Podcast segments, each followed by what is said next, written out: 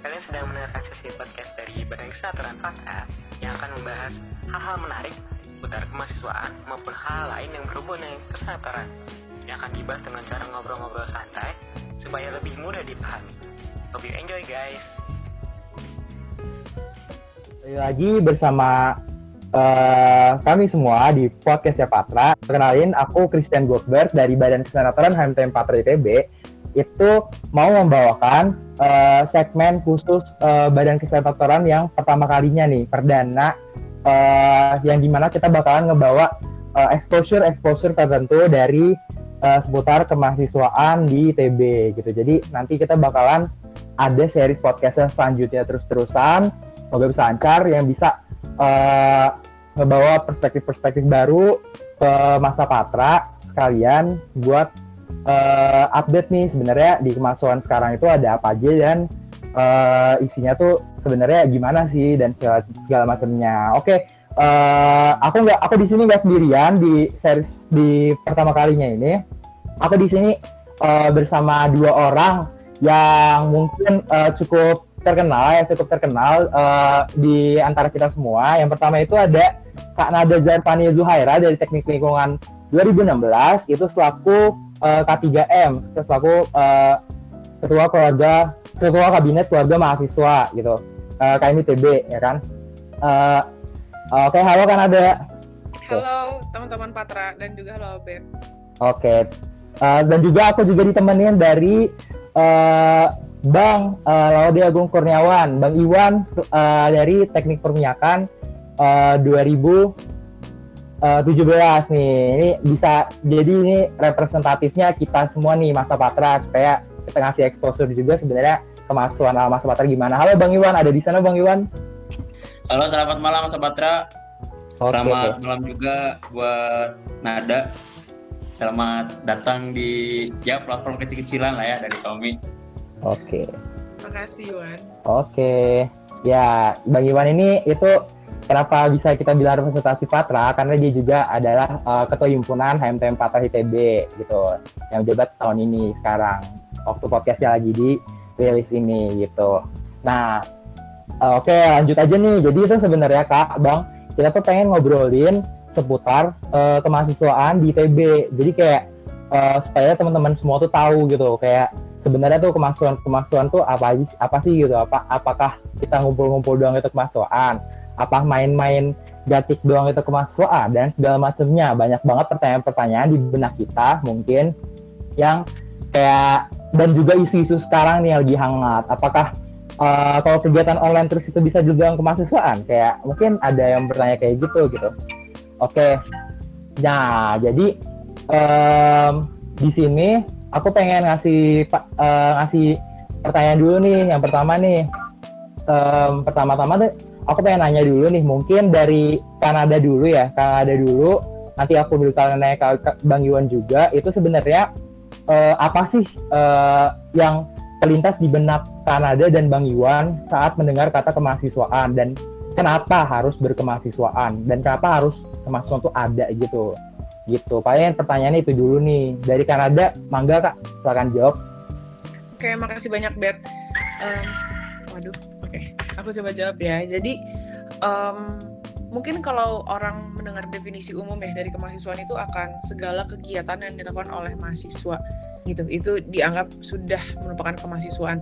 Cuman kalau dari aku sendiri merasa nggak sesederhana itu gitu. Um, segala kegiatan yang dilakukan sama mahasiswa ini tuh harus ada konteksnya. Konteks yang ngebuat yang sesuai sama sebut saja ya beban historis dari diadakannya perguruan tinggi gitu di tengah masyarakat sekarang gitu. Nah maka um, seperti yang kita sama-sama ketahui gitu ya perguruan tinggi itu ada untuk menciptakan insan akademis gitu atau orang-orang yang dia diekspektasikan untuk pada akhirnya bisa menyelesaikan uh, tantangan-tantangan di masa depan dan juga mencipta men, menjadi pihak yang gimana bahasanya ya menjadi pihak yang memberikan kita harapan bahwa ada opsi kehidupan yang lebih baik gitu di masa depan. Itu sih sehingga menurutku gitu um, harus tidak boleh terlepas dari konteks tersebut. Sehingga kemahasiswaan itu menurutku adalah segala kegiatan dilakukan oleh mahasiswa yang gunanya untuk mempersiapkan diri dia gitu. Mempersiap uh, mempersiapkan diri dia untuk menjadi seorang insan akademis. Kayak gitu sih kalau menurut aku. Menjadi orang yang pada akhirnya akan kembali ke masyarakat dan menjawab tantangan-tantangan yang ada di sana. Itu dan kalau misalkan kita kata-kata mempersiapkan nih kadang tricky gitu bet menurutku gitu. Kadang orang mikir oh Hmm. ya udah kalau gitu mempersiapkan tuh yang penting kita eh, apa namanya yang penting kita belajar sebanyak-banyaknya. Kayak gitu kadang orang mikirnya kan. Dan Hmm. belajar tuh buat kita tuh kadang jauh dari eksekusi gitu. Misalkan kayak kita les gitu. Kita les gambar gitu kita les menulis kita les eh, apa namanya berhitung kayak gitu. Cuman biasanya dia tidak akan dihubungkan sama hal apa pun kayak gitu. Ya udah kita belajar skillnya tok aja kayak gitu.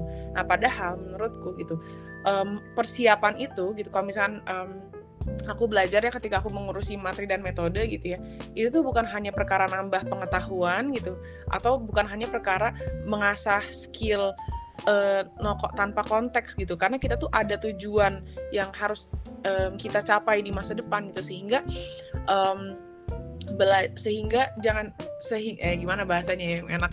Jadi sehingga em, apa tuh bahasanya? Sebentar. Sehingga harusnya gitu pada saat kita proses belajar ini gitu ada juga proses mencicil gitu loh proses Hmm. mencicil em, kontribusi gitu Iya. Ya, jadi nggak kita gini kita nggak nggak bisa hanya belajar em, misalkan ya belajar menulis gitu kita harus mulai belajar menulis untuk eh, mengkritisi suatu kebijakan misalkan di tengah masyarakat Hmm. itu konteksnya yang di, di apa diberikan kepada kita kan dengan menjadi mahasiswa bukan hanya semua orang bisa menjadi penulis gitu tapi penulis yang punya em, job desk khusus gitu untuk pada akhirnya me- mencoba mencari tahu kondisi yang bisa mengkritisi sehingga tahu kondisi yang lebih baik buat sekitar itu seperti apa ya hanya mahasiswa salah satunya gitu misalkan di di apa masyarakat di Indonesia ini kayak gitulah di pemosisian masyarakat di Indonesia ini. Gitu sih maka da- da- maka menurutku tuh em, nggak bisa ketika kita pakai kata-kata em, persiapan gitu kita tuh em, hanya men- menabung em, kemampuan tapi juga ada perkara kita mencicil kontribusi. Karena ibaratnya ya nggak mungkin gitu kita em, bisa mengekspektasikan orang gitu kasarnya yang jujur misalkan kayak bukan jujur apa bahasanya? Orang buat em, oh ya udah gitu aku em, udah tahu nih teorinya jujur kayak gitu. Yang penting pokoknya nanti di masa depan aku menerapkan nih gitu. Nggak bisa gitu menurut aku itu nggak memungkinkan gitu. Kita tuh Hmm. harus skillnya gitu dari sekarang gitu nah ah, begitu pun juga misalkan mikirin masyarakat gitu. Nggak mungkin kita bilang ya pokoknya sekarang aku ngumpulin dulu skillnya nanti di masa depan aku pas udah oke banget gitu aku akan menerapkan semuanya. Ya enggak gitu, belum tentu karena em, pembudayaan atau pembiasaan itu akhirnya membentuk kita gitu. Dan ketika tidak ada pembudayaan atau pembiasaan gitu yang mana dia juga termasuk ke dalam lini persiapan tadi gitu yang dilakukan em, tanpa tidak memikirkan masyarakat atau mengingat konteks kita ada gitu menurutku itu tidak akan terjadi juga Gitu. Oke. Jadi sederhananya gitulah gitu, sederhananya biar orang kadang tuh soalnya ketika suka terjebak gitu, biar menurut aku gitu ketika ngomong persiapan, oke fix aku di kemahasiswaan aku kayak tempat les gitu si KMITB Ya. gitu dan semua Belajar terus tuh belajar. belajar, ah. belajar, belajar, belajar gitu. Sosmasnya buat belajar, udah sampai situ. Tapi nggak mau berkontribusi karena takut nih nggak. Pokoknya nanti aja aku di masa depan. Ya cuman kalau nggak ada pembiasaan sama sekali, siapa yang bisa ngejamin dia di masa depan akan mau gitu. Oh, toh dia selama bertahun-tahun ini terbentuknya hanya belajar, ya nggak? Kayak gitu sih. Jadi itu Tempat trial and error juga ya. Betul kayak gitu. Nah, em, kalau misalnya aku sih kadang mensimplifikasinya ya gitu. Em, selain kemahasiswaan itu adalah segala kegiatan persiapan gitu. Aku mau narik gitu soalnya ke em, menurutku definisi sederhana dari mahasiswa gitu gitu. Em, menurutku definisi sederhana dari mahasiswa itu adalah pihak yang em, ini setelah aku coba tarik garis merahnya gitu ya dari eh, kemahasiswaan kemahasiswaan, pendefinisian kemahasiswaan, eh mahasiswa tahun ke tahun gitu. Menurutku dia itu adalah orang yang punya em, privilege gitu atau kasarnya punya kemampuan untuk menentukan kebenaran versi dia sendiri. Dan perjuangkan gitu. Dan ya segala kegiatannya nggak boleh menyalahi itu kayak gitu menurutku sih. Itu pertanyaan pertama ya. Maaf ya agak lama. Pertanyaan kedua tuh jawabannya penting nggak kita berkemahasiswaan ya? Tadi itu pertanyaannya ya. Oke ya betul. Kenapa? Ya? kenapa? Atau apa? Tadi pertanyaannya. Eh, tadi kan apa yang di benak kakak dari terlintas di benak kakak saat mendengar kata kemahasiswaan sama kenapanya gitu harus. kenapa harus ya? Em, sebenarnya em, kenapa harus tuh em, menurutku kenapa, harus berkemahasiswaan menurutku ya karena sesimpel em, kita harus paham bahwa em, mahasiswa di Indonesia itu dia berbeda dengan mahasiswa di negara lain gitu.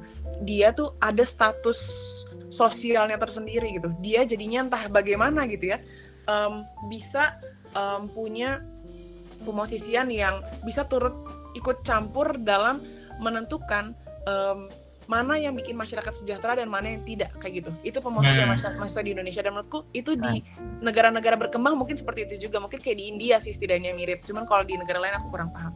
Cuman kayak gitu. Nah karena menjadi mahasiswa itu em, tidak pernah about us doang about yourself doang kayak gitu. Harus ada upaya untuk mendidik diri sendiri untuk bisa memenuhi ekspektasi tersebut kasarnya gitulah. Karena ya everyone is born selfish ya kalau menurut aku gitu. Walaupun dia makhluk sosial jadi dia tetap butuh manusia lain cuman bagaimanapun kita hidup tuh memang pasti mikirin diri kita sendiri dulu. Nah maka dari Iya. itu kemahasiswaan itu eh, suatu apa ya suatu proses tambahan lah yang bisa digunakan untuk em, mendidik diri kita sendiri agar muncul si apa si value-value tambahan yang pada akhirnya bisa membuat kita jadi em, pihak yang ber mengisi kekosongan fungsi yang ada di tengah masyarakat. Karena kalau mahasiswa tidak berlaku sebagaimana seorang mahasiswa gitu dan dan apa ya tadi nggak nggak mampu menentukan yang benar menurut dia apa nggak mampu merju- memperjuangkan dan mikirnya hanya diri sendiri akan ada akan ada ketidakseimbangan gitu sih kalau menurut aku gitu. Di apa di tengah masyarakat. Dan itulah kenapa nanti ini bakal panjang ya kenapa gerakan mahasiswa harus signifikan kenapa gerakan mahasiswa harus berdampak ya. Karena kalau enggak em, akan terus menerus Nggak seimbang. tidak seimbang nge- gitu. Hmm. makanya harus ke- harus keras gitu gerakannya mahasiswanya gitu. Karena kita kebetulan gitu di Indonesia ini dikasih kesempatan bukan dikasih kesempatan bentukannya gitu ya bentukan em, masyarakat kita membuat em, kita bisa punya pemosisian yang seberpengaruh itu gitu Obet Oke, oke, oke, oke, oke. Dari, eh, oke tadi kan itu dari eh, Kanada ya. Kalau dari Bang Iwan sendiri nih, kira-kira gimana sih eh, pandangan Bang Iwan terkait kenapa harus berkemahasiswaan? Eh, dan tadi gitu, apa yang terlintas langsung di benak Bang Iwan kalau waktu dengar kemahasiswaan itu gimana sih Bang? Gitu. Oke, selamat malam Bet. Eh, ini suara kedengaran ya Bet? Kedengaran, bagus, aman. Oke, terima kasih Obet atas kesempatannya Bet. Eh, Sebenarnya tentang ini ya, mendengar sebenarnya kata tentang mahasiswa ya. Sebenarnya ini kan eh, kalau misalnya ini kalau orang-orang ITB kan lihat itu lihat dari KBBI dulu nih. Kan biasanya kalau KBBI kemahasiswaan kan itu eh, apa ya? Segala hal yang dilakukan mahasiswa gitu kan. Sebenarnya Hmm. ya aku berpikir ya agak sederhana itu kalau sekedar dari KBBI gitu. Misal nih, Iya. kita buang air kecil di toilet himpunan gitu. Apakah itu dikatakan kemahasiswaan gitu? Ya itu dilakukan oleh mahasiswa gitu. Apakah itu dika- dikatakan sebagai kemahasiswaan? Ya menurutku sendiri enggak gitu kan. Dan ya ketika aku uh, nge-breakdown ya dan beberapa tanya-tanya orang gitu ya uh, ketika lalu aku menyimpulkan bahwa sebenarnya kan mahasiswa kan itu suatu apa ya uh, asal muasalnya kan dari ini ya dari kata yang disebut mahasiswa gitu ya. Hmm. mahasiswa jiwa gitu kan. Oh. keren banget kan. Jadi di sini tuh sebenarnya ada suatu mimpi yang dititipkan menurutku ya eh, dari eh, kata mahasiswa ini yang jadi mahasiswa gitu. Menurutku kalau namanya mahasiswa ini ya menurutku ya layaknya siwa gitu. Jadi eh, dia mampu menghancurkan dan mengganti suatu hal yang lebih baik gitu menurutku ya suatu seorang mahasiswa ini nggak pernah ini Bet, nggak pernah nyaman dengan dirinya menurutku ya. Nggak pernah nyaman Hmm, dan iya. menurutku ya dia selalu resah menurutku. Selalu resah dan ya selalu gak nyaman lah ketika ada hal yang gak baik-baik aja nih. Makanya ya udah gue berkorban diri nih gue mau memperbaiki ini gitu. Menurutku tuh itu adalah suatu semangat yang dititipkan oleh si uh, mahasiswa ini kepada mahasiswa ini dan ketika kita lihat ya uh, menurutku pribadi ya definisi kemahasiswaan itu adalah suatu upaya yang dilakukan oleh mahasiswa gitu untuk mencapai tujuan pendidikan tinggi gitu jadi sebenarnya elaborasi itu uh, untuk mencapai tujuan pendidikan tinggi menurut gue ya Hmm. Nah, hmm. sebenarnya kalau misalnya kita lihat dari ini dari mungkin dari ini ya la- landasan legal formal gitu eh, tentang pendidikan tinggi mungkin U12 tahun 2012 mungkin. Itu kan ya eh, bertujuan itu kan ada yang ini kan eh, berkembangnya potensi mahasiswa eh, agar menjadi orang yang beriman terus betapa kepada Tuhan yang Maha Esa gitu kan. Terus eh, kompeten terus berbudaya untuk kepentingan bangsa gitu kan. Terus ada juga yang dihasilkan lulusan yang menguasai cabang ilmu eh, dan atau teknologi. Terus ada dihasilkannya ilmu pengetahuan dan teknologi melalui penelitian. Terus adanya terwujudnya pengabdian kepada masyarakat. Nah menurutku segala hal yang dilakukan oleh mahasiswa ketika emang tujuannya adalah hal ini nah itu bisa dikatakan eh, kita bisa kategorikan itu sebagai mahasiswa menurutku nah itu satu. Hmm. terus yang kedua itu masalah ini ya Bet ya? Eh, masalah pentingnya ya Iya, masalah kenapa? pentingnya Ah. kemahasiswaan gitu. Iya. Nah, kalau ini eh, teman-teman tahu ini ya eh, Pak Sujana Sapi itu kan salah satu guru besar yang ada di TB. eh, beliau pernah eh, berkata bahwa eh, pergu- apa kemahasiswaan itu ada kan kemahasiswaan itu ada itu sebenarnya ini eh, itu berfungsi untuk melengkapi tugas dari eh, perguruan tinggi. Nah, jadi eh, kemahasiswaan eh, apa ya? Mahasiswa ini ketika belajar di perguruan tinggi, nah belajar yang disediakan oleh perguruan tinggi itu hanya sebatas pelatihan gitu. Itu yang dikatakan oleh beliau gitu kan. Hmm. Maka dari itu, mahasiswa ini perlu membentuk komunitas sendiri, perlu untuk membentuk lingkungannya sendiri berupa kemahasiswaan untuk mendidik dirinya sendiri gitu. Gitu sih, Bet. Jadi eh, satu itu, terus yang kedua pentingnya tentang ki- kenapa kita harus berkemahasiswaan karena ya itu eh, sesuai aja, Bet. Maksudku di sini adalah itu adalah outcome dari si eh, perguruan tinggi ini kan. Dari pendidikan tinggi itu kan ada tuh tujuan-tujuannya kan. Dan menurutku Nah, ketika apa yang hanya dilakukan oleh si pendidikan tinggi ini di kelas gitu ya, dan itu tidak cukup untuk membentuk si empat tujuan ini dari tujuan pendidikan tinggi itu kan. Maka dari itu ya benar kan tadi yang dikatakan oleh Nada bahwa ya itu harus ada perlu apa ya penyicilan gitu ya, nyicil gitu ya, nyicil kontribusi lah ya yang bisa aku tangkap gitu. Ya. Dan yang aku tangkap mengapa pentingnya kemahasiswaan ini adalah kalau misalnya jangka panjang ini berkaitan juga sama dampak, ya menurutku ya dampaknya sangat besar gitu. Mungkin ada yang mengatakan bahwa ya udah dampak kemahasiswaan ini sangat kecil gitu ya. Apa sih lu koar-koar dan kawan-kawannya? Menurutku enggak gitu. Karena menurutku kemahasiswaan ini bisa mendidik da- ya dan bisa mempersiapkan iron stock gitu menurutku bet. Iya. Nah, menurutku ya sehingga terbentuk regenerasi eh, terbentuk regenerasi dan generasi pemimpin yang siap di masa depan untuk mewujudkan visi masa depan itu kalau misalnya kita lihat di konsepsi KMITB itu kan paling itu sih bet kurang lebihnya Oke. Benar benar benar. Tambahan juga nih eh, jadi kemahasiswaan itu contohnya ya kayak berhimpun ini, berhimpun ini ya persiapkan kita eh, coba belajar juga benar-benar berkontribusi ke masyarakat juga gitu. Dari contohnya dari himpunan ini gitu kan, dari HMTM Pata. Nah, tapi eh, aku ada ada beberapa pertanyaan lagi nih Bang Kak kayak eh, ini sih kayak eh, kayak aku kebingungan aja gitu karena sekarang bentuknya itu bener-bener secepat itu berubahnya gitu. Bentuk kemahasiswaan tuh bener-bener secepat itu dan seberagam itu berubahnya. Entah aku nggak tahu ini bener beneran apa itu kemahasiswaan atau enggak gitu. Makanya aku pengen nanya ini ke abang atau kakak Eh, mungkin dari bang Iwan dulu kali ya abis ini gitu.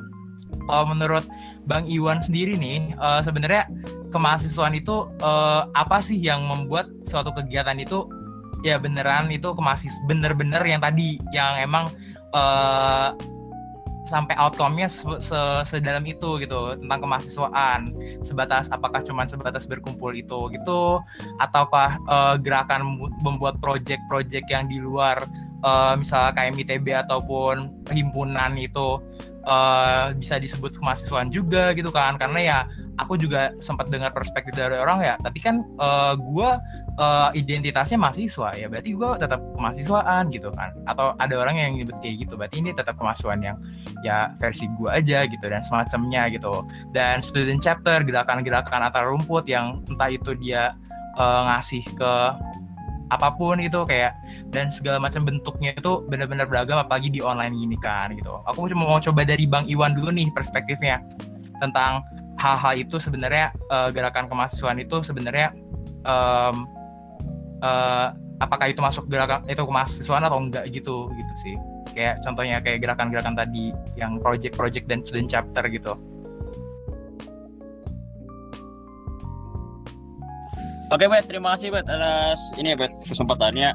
Kalau misalnya jujur, menurutku kan misalnya kita ini kembali dari definisi yang tadi aku ini, aku menurutku itu definisi dari kemahasiswaan menurutku ya, Bet, karena eh karena apa ya? Itu adalah suatu hal yang dilakukan mahasiswa untuk mencapai tujuan pendidikan tinggi gitu. Kalau misalnya secara nggak langsung ya tujuannya ke sana. Satu itu, Bet.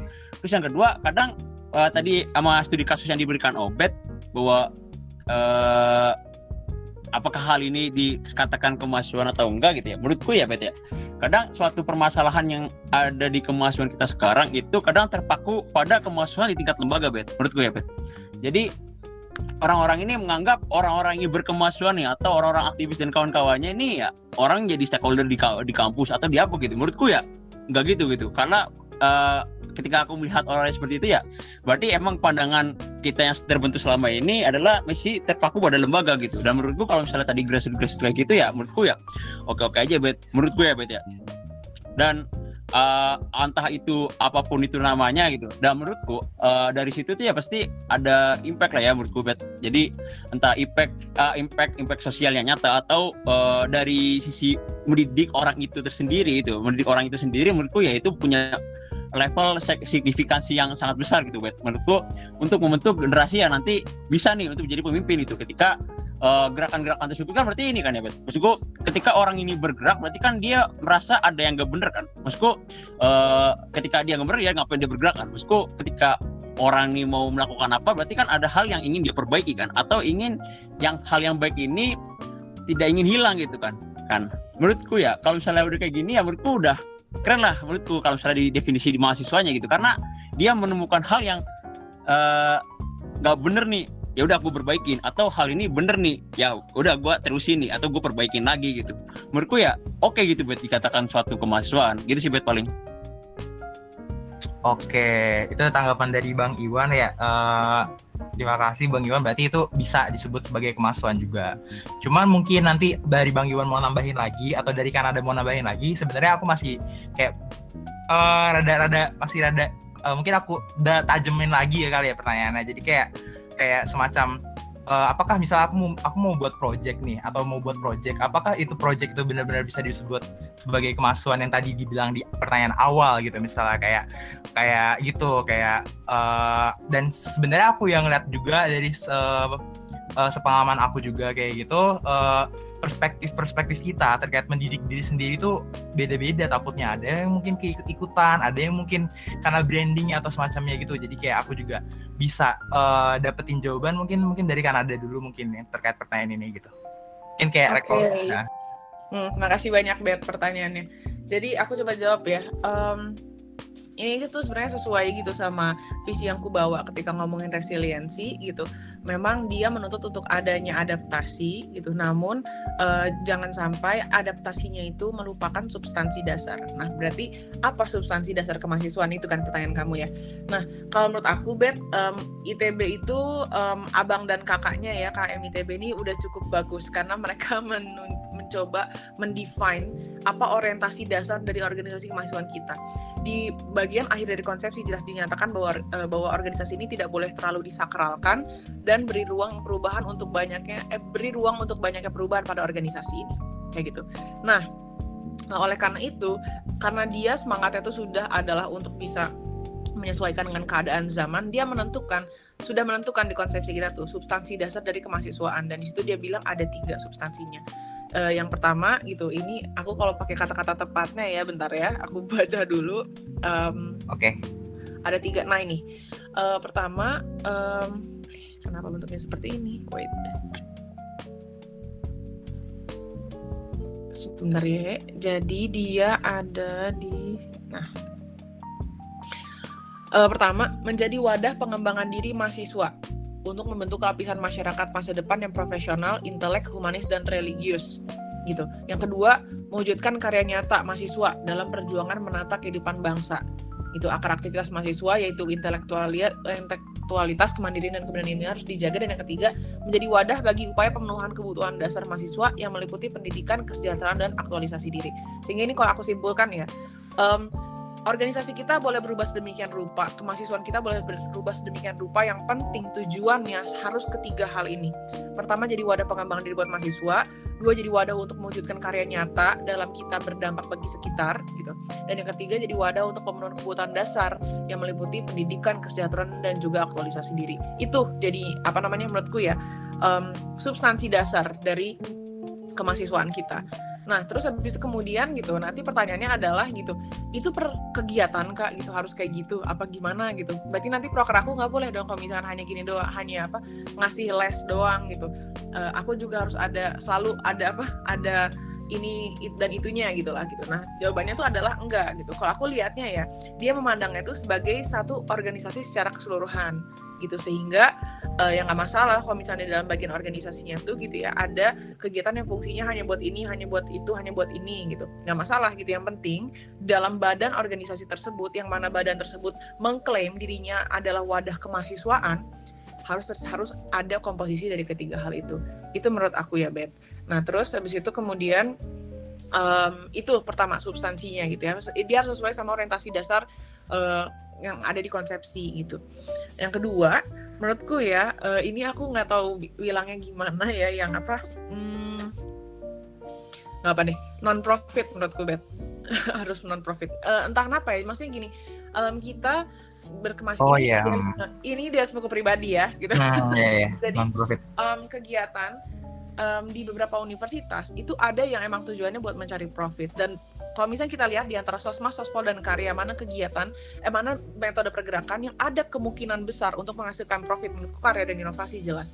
Itulah kenapa kadang gitu um, beberapa pihak yang menjadi penggerak di karya dan inovasi itu harus dikawal gitu kan agar pola pikirnya itu nggak keburu teknokrat berlebihan duluan gitu maksudnya nggak keburu uh, industrialis banget bukan teknokrat hmm. nggak keburu industrialis banget dan nggak keburu malah datang ke masyarakat dan kemudian mengeksploitasi yang masyarakat punya atau dia langsung ngejual barang gitu gitu itu kan yang tidak kita harapkan ya kan Iya. yeah. nah makanya uh, menurutku gitu ya nggak masalah sih kalau misalkan mau ada profit dan kawan-kawannya khusus yang buat gerakan karya dan inovasi ini asal base-nya tuh benar gitu. Base-nya tuh memang ini tuh gerakan yang sifatnya untuk um, menciptakan tatanan kehidupan yang lebih baik, bukan hanya simply justru malah memanfaatkan um, apa ya ke kebutuhan maksudnya kebutuhan tuh yang sifatnya tersier mungkin gitu. Hanya memanfaatkan adiksi masyarakat saat itu hanya memanfaatkan tren yang lagi tren konsumtif masyarakat saat itu untuk menghasilkan keuntungan gitu sih. Kalau misalkan karena bagaimanapun kita untuk bergerak butuh duit kan dan um, duit itu kalau menurutku selagi diputar lagi gitu untuk pengembangan si organisasinya lagi itu nggak masalah kayak gitu. Tapi memang ya serve-nya tuh untuk orientasi ke arah sana. Gitu sih aku rasa ya karena um, profit-profitan tuh nanti ada waktunya gitu dan jangka panjang itu bisa kita lakukan nanti gitu di masa depan. Cuman kalau untuk yang sekarang kita dididik untuk selfless mungkin gitu dan um, ya karena itu ya karena masih bela karena untuk belajar menjadi selfless yeah. kayak gitu gitu gitu sih itu yang nomor dua. Nah yang nomor tiga ini juga aku nggak tahu cara ngomong yang baiknya ya gitu tapi um, menurutku um, ini nyambung sama yang kamu bilang, apakah student chapter, gerakan akar rumput, atau project-project yang dilakukan di luar organisasi kemahasiswaan resmi di ITB itu dapat disebut kemahasiswaan. Aku tadi sepakat sama poinnya Iwan yang soal gerakan itu sekarang terbatas kelembagaan. Dan itu aku juga kurang setuju kalau misalnya kita hanya berdasarkan lembaga tersebut. Makanya kenapa kalau di kabinet kan sekarang ada Kementerian Pergerakan Internal dan Komunitas gitu ya, khusus bagi orang-orang yeah. yang tidak mau meng, meng, apa, mengkategorikan diri sebagai lembaga mana pun gitu di kabinet. Dia pengennya menurut dia aja atau menurut lembaga yang belum ada gitu misalkan di KMITB ini. Nah, e, menurutku tapi gitu ya, bagaimanapun mau dia gerakan akar rumput, mau dia student chapter, mau dia bentuknya lembaga apa pun independen atau eh apa salah yeah. pribadi atau enggak, uh-huh. menurutku harus muncul menurutku ya bete ya atas inisiatif dan pemikiran sendiri menurutku maksudnya oke okay, hmm. kalau misalkan dia ikut um, project bikin project ya itu kan dia ada inisiatif dia sendiri kan kayak misalnya kayak kamu gitu uh, jar of pills atau entrance society untuk negeri bestari gitu kan itu kan semua gerakan-gerakan yang muncul atas inisiatif sendiri. Iya. menurutku yeah. gitu kalian emang ada pola pikir ke arah ingin bantu orang dan kon-kon-konnya gitu lah ingin bikin the world a better place. Menurutku itu kemahasiswaan. Tapi, tapi kalau misalnya inisiatif kalau, tapi udah ada brandingnya gituan dari nah, ini dulu nah ini dulu. Nah kalau apa namanya um, dia bentuknya franchise. Dia bentuknya franchise, bet. Itu aku rasa harus dipastikan dulu gitu sebenarnya. Apa namanya em, apakah orang-orang yang apakah dia menjadikan franchise tersebut gitu. Itu sebagai suatu em, gimana bahasanya? Sebagai suatu memang memang apa? Memang em, em, kegelisahan dia besar gitu misalkan dalam menjalankan franchise tersebut. Contohnya apa? Misalkan Hope Helps gitu ya itu he- Nah, franchise ya kan? pengen nyebut itu tadi. Ah, ya itu kalau menurut aku maksudnya selagi orang-orang di dalamnya memang dia bergerak karena ya dia ada ke- ke- keterpanggilan yang besar gitu. Eh, dia mempercayai nilai gitu yang ada di sana. Menurut itu aku nggak masalah kayak gitu. Karena ya di dalamnya kan dia tetap akhirnya menjalankan tiga orientasi tersebut gitu kan. Nah tapi gitu. Kalau franchise apa pun gitu. Ini aku sebut merek organisasi mahasiswa kampus atau student chapter gitu misalkan. Tapi tujuannya hanya untuk politik identitas aja misalnya ah, bukan politik identitas salah asal ulang ulang ulang. Hanya Aduh. politik em, apa namanya politik praktis nah itu politik praktis. Hmm, itu menurutku bukan kemahasiswaan itu malah itu namanya ya penunggangan penunggangan gitu sih aku rasa gitu. Makanya kenapa em, aku sebenarnya nggak masalah gitu sama semua kegiatan mau dia bentuknya franchise atau apa pun gitu. Selagi memang orang-orang di dalamnya sadar betul gitu Em, kegiatan itu ada untuk apa memperjuangkan apa gitu. Memang dia eh, apa memang dia berharapnya bagaimana terus dia juga memper- mem- mem- punya idealisme sendiri untuk mempertahankan ada tiga kegiatan ini gitu di dalamnya menurut aku itu nggak masalah. Tapi kalau itu ber- berarti dia mendukung sebut saja politik nilai kalau menurut aku ya gitu ya. Dia Hmm. percayanya sama nilainya gitu nah tapi kalau dia praktis gitu. Menurut aku enggak. Gitu sih Bet Oke. Dan itu kita harus- kita harus pintar-pintar kalau gitu di sana gitu. Dalam men- dalam mencari tahu mana nih gitu. Yang emang orang di dalamnya gerak tuh karena karena Substansinya bener-bener itu ya. "Hmm," gitu. Iya kayak gitu. Dan dan menurutku ya kalau udah kayak gini bisa jadi kita nggak bisa ngegeneralisir organisasi tapi malah kembali ke orang-orangnya gitu. Karena gini apakah gitu ya kita pertanyakan lagi aja gitu apakah semua orang yang masuk dalam lembaga kemahasiswaan yang mungkin sebut saja legitimate di KMITB itu benar-benar melakukan kemahasiswa melaksanakan kemahasiswaan? Gimana kalau dia hanya kayak kayak ngikut arus aja gitu gitulah kasarnya. Padahal gitu kita ingat gitu bahwa tujuan pendidikan tinggi di akhir gitu di apa di, di undang-undang yang Iwan sebut tadi gitu enggak ini Muhammad Hatta deh itu ingin menciptakan manusia yang insaf gitu loh manusia yang insaf yang sadar gitu. Ya kalau misalkan pada proses mereka aja mereka ngikut arus mereka ke bawah-bawa tren aja tanpa benar-benar nyoba nyaring atau memikirkan kembali bergerak kalau bahasa aku ya sebatas bentuk menurutku itu nggak kemahasiswaan juga. Hmm, tricky iya, ya. nah memang jadi Iya. Kak, ini kalau misalnya kita sudah mulai mikirnya ke filosofis gitu lah kasarnya cuman ya tadi kalau menurutku gitu em, tiga ramuan dasarnya kemahasiswaan itu adalah ya dia sesuai orientasi eh, di kemahasiswaan KMITB Hmm, dia non profit ya diusahakan non profit gitu dan dia muncul atas inisiatif dan pemikiran sendiri Pemikiran, walaupun ya. pemikirannya mungkin eh, mungkin pemikirannya nggak nggak beda gitu nggak apa-apa yang penting dia ada keinsafan gitu dalam menjalankan kegiatannya gitu Iya. Bet, menurut aku cukup sulit ya tapi mengidentifikasi itu. Iya. emang nggak bisa generalisir jadinya Oke, berarti overall kita tuh kayak udah ngebahas eh, topik yang emang eh sebenarnya keadaan kak contoh salah satu contoh lah ya keadaan ma- kemasukan sekarang ini di masa-masa sekarang gitu kan.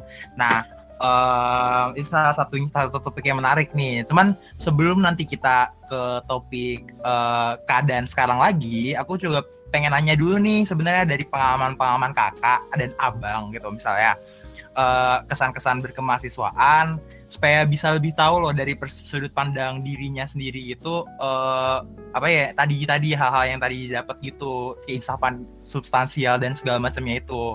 Nah ini ada pertanyaan nih jadinya Eh, mungkin lebih ke sini aja kali ya hal yang didapat dari kemahasiswaan yang dampaknya signifikan.